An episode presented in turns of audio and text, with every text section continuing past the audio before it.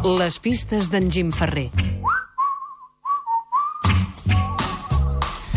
És per nosaltres un veritable honor tenir el Pere Gimferrer i seguir les seves pistes. Les coses que han passat al llarg de tot un mes, de les últimes setmanes, el tindrem aquí de tant en tant perquè ens digui jo he vist això i això m'ha interessat. També els hi pot interessar a vostès.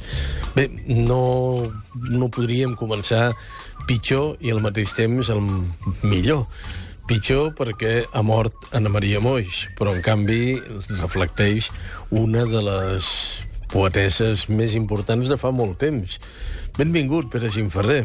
Benvingut i, i bona tarda, bon vespre. Exacte, bon vespre. El que parlàvem ara de l'Anna Maria Moix, tu la vas conèixer de fa sí, molt temps. Bueno, no? jo haig de dir una cosa que, bueno, que quan hi ha persones massa properes, massa vinculades a mi, evito de fer declaracions. Ho vaig fer en el cas de Terenci Moix, ho vaig fer en el cas d'Octavia Paz va sortir un text, però un text escrit amb una altra finalitat que estava inèdit casualment, i en el cas d'Anna Maria Moix, si us hi fixeu, no he fet cap declaració.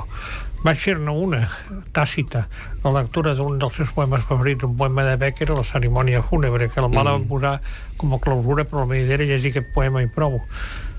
Per tant, eh, persones massa vinculades en el moment de desaparèixer no acostumo a dir gaires coses i una persona que s'ha enteixit amb el teixit de la meva vida, com és el cas de Terenci Moix, de la Maria Moix, en l'altre sentit d'Octavia Paz, he procurat de cop calent no dir gaire cosa. Mm -hmm. eh, ara bé, és evidentment una vida eh, prematurament estroncada i una obra prematurament interrompuda i una persona que ja als anys 60 es veu molt amb les seves cartes a Rosa Chacel eh, destacava moltíssim.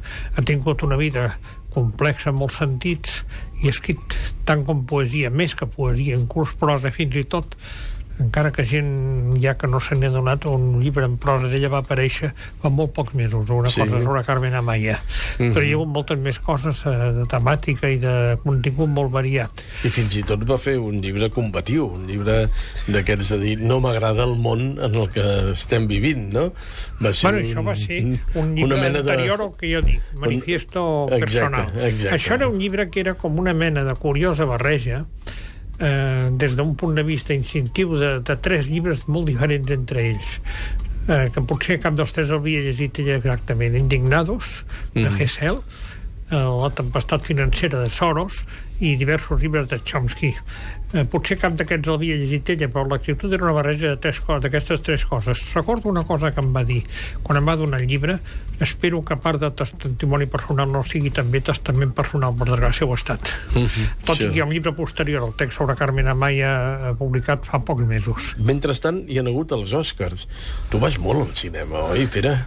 Això, els Oscars m'interessen molt poc. Són pel·lícules que en una gran part no penso anar a veure i no he vist. Eh, a mi m'interessen altres pel·lícules que no han estat oscaritzades, americanes i tot. Hi ha una mm -hmm. gran part de cinema americà que aquí no s'exhibeix o no en fan cabal. Per exemple, el guanyador de l'Oscar a la millor interpretació masculina, en una la pel·lícula que no he vist i potser que no veuré, uh -huh. va interpretar fa un any o dos una excel·lent pel·lícula de William Friedkin, Killer Joe, que aquí a Espanya només s'ha exhibit en DVD i que en canvi va ser molt ben rebuda per la crítica minoritària a França o a Itàlia, no dic Estats Units. El director, per altra banda, més conegut no pot ser, va ser el director de l'Exorcista. Uh mhm. -huh. I en general el cine dels Oscars alguna vegada m'interessa, però cada cop m'interessa menys i cada vegada està més lluny del cine americà que em sembla interessant. Eh, inclús en aquest cas, per què aquest testament a no premiar DiCaprio?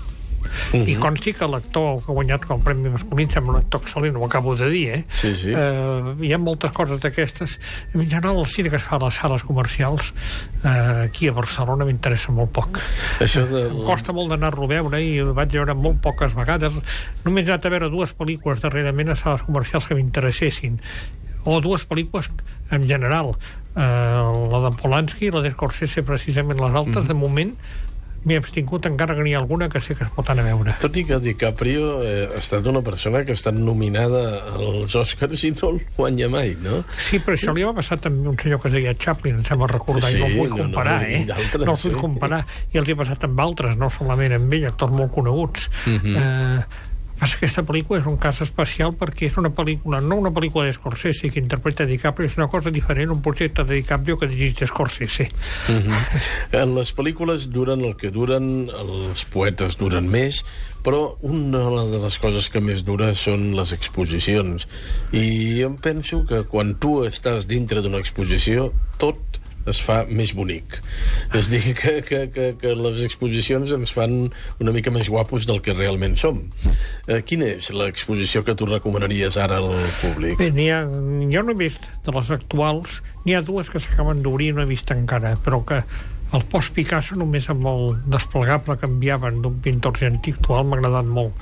No conec la resta, però he vist imatges i m'ha interessant. I la de la Mediterrània sabem el que són, són mm. mosaics i coses similars de l'època clàssica.